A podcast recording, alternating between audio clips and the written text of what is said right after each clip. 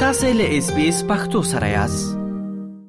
د اس بي اس رادیو د پښتو خبرونه محترم اوریدونکو وخت مو په خیر رحیم الدین اوریا خیل یم له افغانستانه تاسو ته تا د افغانستان او سیمې د تیر یوې ونې مهمه پیښه وړاندې کوم اله دا چې تر پامه ملتیا وکوي د طالبانو په لومړنۍ دوره کې د پاکستان لپاره د دې ډلې پخوانی سفیر عبدالسلام ضعیف تیر اونۍ وویل چې 15 نوي سلنه طالبان پر ښځو او انجونو له لګول شویو محدودیتونو سره مخالف دي. دغه پخوانی طالب چارواکي له بي بي سي سره په مرکه کې وویل چې ډیری شمیر طالبان د زده کړو او کار په برخو کې د خپل مشرتابه له فرمانونو سره موافق نه دي. ملا عبدالسلام ضعیف له دغې نړیوالې رسنۍ سره په مرکه کې وویل هغه طالب مشران چې پر ښځو له لګول شویو محدودیتونو سره مخالف دي، له خپل مشرتابه ملا هیبت الله سره وخت ناوخت پر دې مسئلې خبرې کړي او مشورې یې ورکړې، خو مشرتابه یې لا تر اوسه په دې اړه پرېکړه نه ده کړې. هغه وویل، باوري دی چې اوسني طالبان د نویومې لسیزې له طالبانو سره ډېر توپیر لري. عبدالسلام ضعیف وویل، طالبانو ته یې سپارښتنه دا ده چې هر څومره ژر کیږي پر ښځو او انجونو باید لګول شوي محدودیتونه لرې کړي. ښاغلي ضعیف په دې مرکه کې لویدیځ په تېره امریکا تورنه کړه چې د افغانستان اقتصادي مخ په ځوړ حالت لامل ګرځېدلی او د افغانستان له خلکو سره همکاري نه کوي. عبدالسلام ضعیف چې د طالبانو په اوسني نظام کې کومه رسمي دنده نه لري داسې مهال دغه څرګندونې کوي چې تازه د طالبانو د امر بالمعروف او نهي عن المنکر وزیر پر خزو د محدودیتونو پر دوام د بامیان ولایت ملي پارک بند امیر ته هم د خزو پرتګ بندیز ولګاوه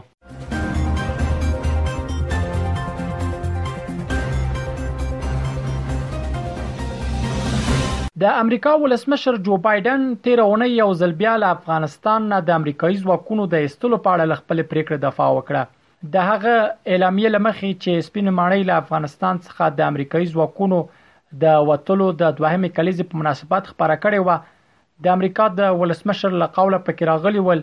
دوی ثابته کړه چې ترهګر او هغوی چې امریکا ته د تاوان رسولو هڅه کوي، اړتیا نشته چې پر وړاندې د اقدام کولو لپاره خپل عسکر تل د جګړې په ټګر کې وساتي. په اعلامیه کې همداراز ویل شوي ول، له افغانستان نه د امریکايي ځواکونو له وتلو دوه کاله وروسته هم امریکا متحده ایالات د افغانستان تر ټولو لوی مرسته کوونکی هیواد دی او ژمن دی چې خپلو مرستو ته به دوام ورکوي. په اعلامیه کې دغه راز د بایډن له قوله راغلي ول چې دی د افغانانو ملاتړ ته ژمن دی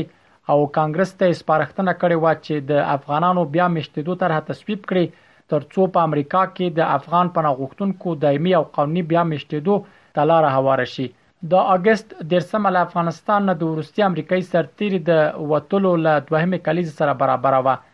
امریکا متحده ایالات شاوخوا دوه کاله وړاندې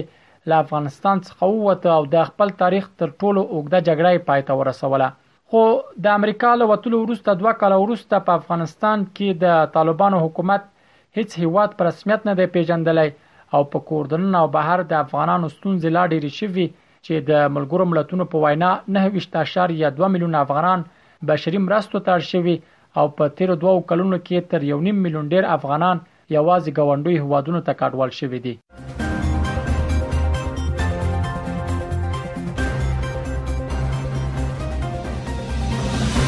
د طالبانو سرپرست حکومت تیر اونۍ د افغانستان د وو سترو کانونو د استخراج او پروسس تړونونه له یو شمېر کورنیو او بهرنیو شرکتونو سره لاسلیک کړل په دې وو لوی کانونو کې د تخار د سرو زرو د لوګر دوهم مساینک د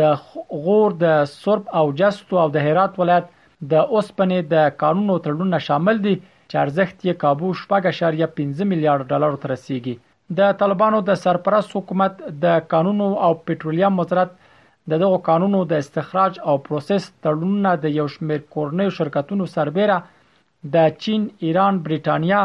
او ترکیه هیوادونو په ګډون له یو شمېر بهرنیو شرکتونو سره لاسلیک کړل. د طالبانو د کانونو او پټرولیم وزارت سرپرست وزیر شهاب الدین دلاور وویل چې دا تړونونه به افغانستان په یو صادراتي او صنعتي هیواد بدل کړي د معلوماتو لمخې په تیرو دوو کلونو کې طالبانو 200 لوی او واړه قانونونه په قرارداد ورکړي چې یوازې د 108 قانونونو تړونونه تیر کال لاسلیک شوی دی د طالبانو حکومت داسې مهال د افغانستان د وو سترو قانونونو د استخراج او پروسس تړونونه له یو شمیر کورنۍ او بهرنۍ شرکتونو سره لاسلیک کوي چې افغانستان د سرو زرو قیمتي ډبرو لیتیوم اوسپنې کوبالات، مسو او یو شمېر نورو طبیعي منرالونو او زېرمو له درکه غني هېواد بلل کېږي او اټکل دا دی چې ارزښت یې درې تریلیونه ډالره دی.